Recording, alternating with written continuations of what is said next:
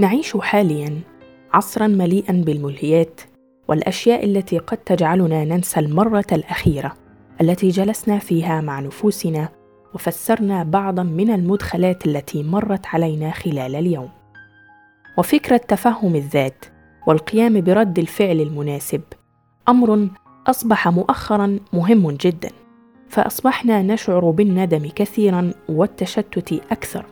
وكخطوة أولية دعونا نفسر بعضا من المشاعر والأفكار الإنسانية التي قد تكون مرت على أغلبنا أو نسيها البعض الآخر. دعونا نتفكر في إنسان.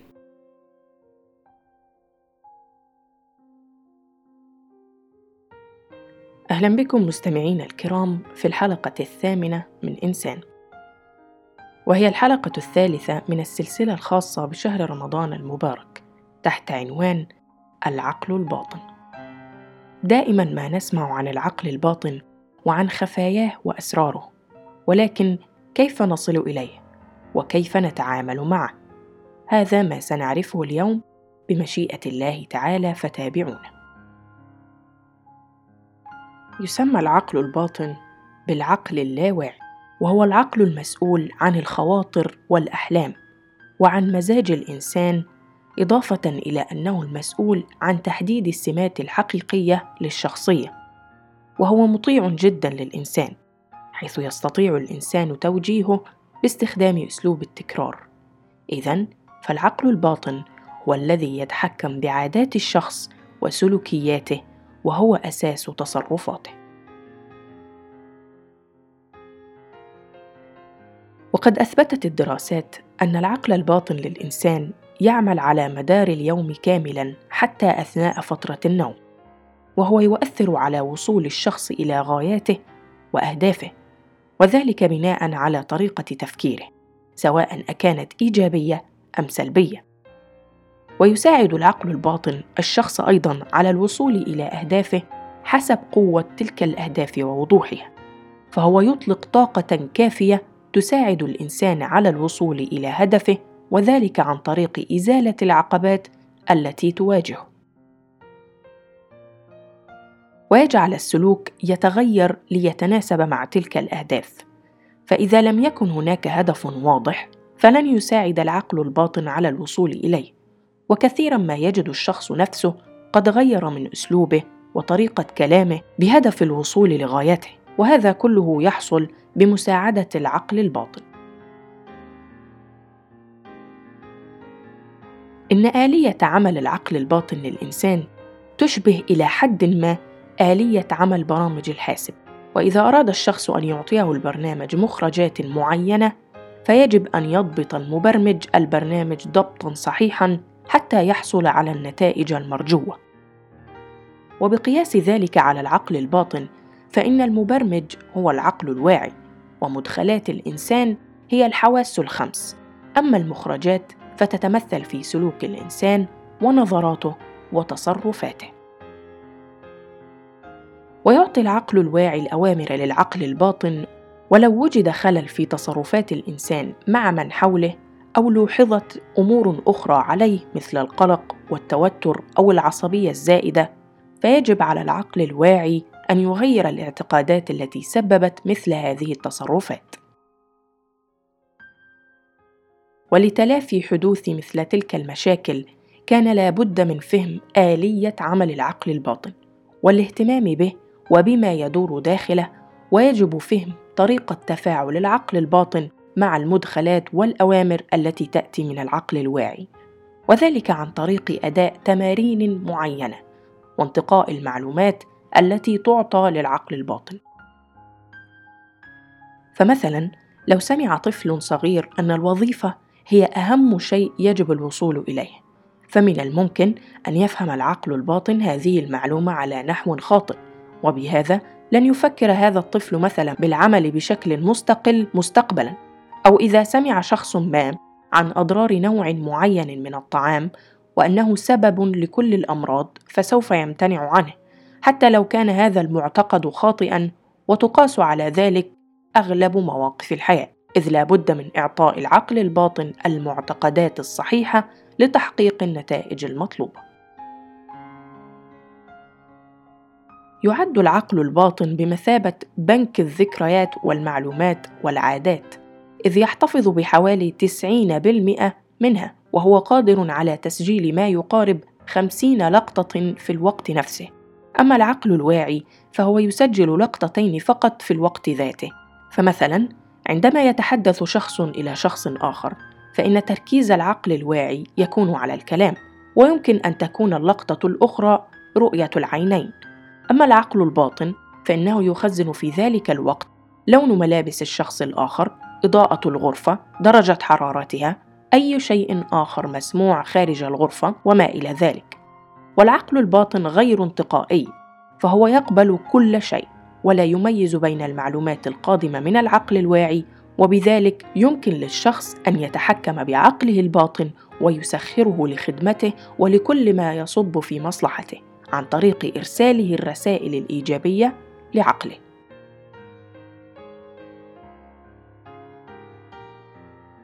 ما هي صفات العقل الباطن؟ منها أنه يعمل باستخدام قاعدة الأقل جهدا فعلى الشخص الا يجبر عقله على الإبداع بل يحاول أن يبقى هادئا ومسترخيا. وكذلك من صفاته أنه يزيد نشاطه بزيادة استخدامه. وأيضا يزيد عمل العقل الباطن على أحسن وجه في حالتين. الأولى عندما يفكر الشخص كثيرا في أمر معين والحالة الثانية حينما لا يفكر بالأمر ابدا. إذا أردنا معرفة طريقة عمل العقل الباطن وطريقة استخدامه لابد لنا اولا من معرفة قوانينه والالتزام بها. فالعقل الباطن تحكمه ثمانية قوانين يجب علينا اتباعها إذا أردنا تحقيق ذواتنا. حيث توصل العلماء إلى هذه القوانين وقام بعض الأشخاص بتطبيقها في حياتهم العلمية والعملية وحصدوا نتائجها.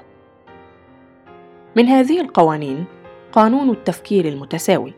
ينص هذا القانون على أن كل ما تفكر فيه يتسع وينتشر من نفس نوعه ويضيف إليه أشياء متشابهة له فلو أنك فكرت في القلق سيتسع وينتشر من نفس نوعه والعكس صحيح.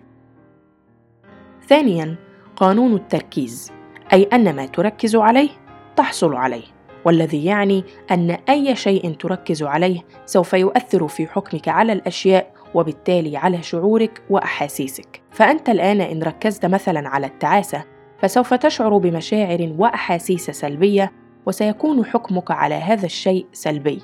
وبالمقابل فأنت إن ركزت على السعادة فسوف تشعر بمشاعر وأحاسيس إيجابية أي أن بإمكانك أن تركز على أي شيء سواء كان ايجابيا أو سلبيا.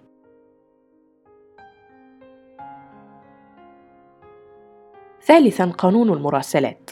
ينص هذا القانون على أن عالمك الداخلي هو السبب في عالمك الخارجي فيجعلك ترى العالم الخارجي من نفس نوع عالمك الداخلي. لذلك فإن كل شيء ستفكر فيه سيؤثر بدوره على ما تراه في العالم الخارجي. رابعا قانون الاعتقاد والذي يقول أن أي شيء معتقد فيه بحصوله وتكرره أكثر من مرة وتضع معه شعورك وأحاسيسك سوف تتبرمج في مكان عميق جدا في العقل اللاواعي. كمن لديه اعتقاد بأنه أتعس إنسان في العالم فيجد أن هذا الاعتقاد أصبح يخرج منه ودون أن يشعر وبشكل أوتوماتيكي ليحكم بعد ذلك سلوكه وتصرفاته. وهذا الاعتقاد لا يمكن أن يتغير إلا بتغيير التفكير الأساسي الذي أوصل هذا الشخص لمثل هذه الفكرة. والمقصود بالاعتقادات هنا هي الاعتقادات الداخلية. مثل فكرة أنني خجول أو أنني غير محظوظ أو أني فاشل أو غيرها. وهذه كلها اعتقادات سلبية بلا شك. كيف نبرمج عقلنا الباطن ونتحكم فيه ونصل بواسطته إلى أهدافنا التي نرجوها من حياتنا؟ هناك العديد من الطرق. أشهرها يجب أن تكون رسائلك للعقل الباطن واضحة وصريحة وإيجابية.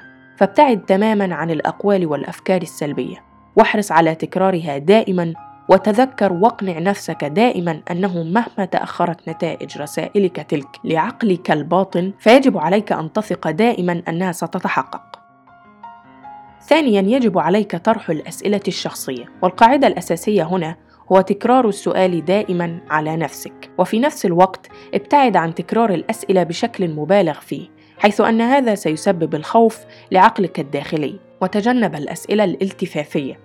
مثل كيف أصبح مشهورا أو كيف أصبح ثريا. فهذه الأسئلة ستجعل عقلك الباطن يشعر بالخوف ويعجز عن الاستجابة. لذلك اسأل أسئلة شخصية صغيرة مثل ما هي الطرق التي يجب اتباعها للنهوض مبكرا؟